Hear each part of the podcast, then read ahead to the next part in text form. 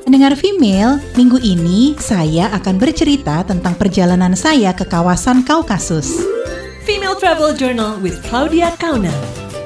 Dari ketiga negara di kawasan Kaukasus, kota yang paling modern adalah Baku, ibu kota Azerbaijan. Kota yang paling banyak turisnya adalah Tbilisi di Georgia. Dan yang paling banyak menyimpan sejarah adalah Yerevan, ibu kota Armenia.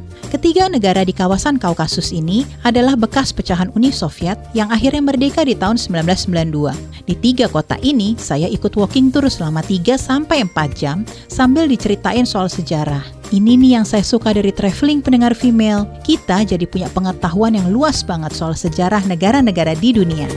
Tunggu ya Female Travel Journal selanjutnya dan Anda juga bisa mendengar ulasan lengkapnya di femaleradio.co.id. Female Travel Journal with Claudia Kauna.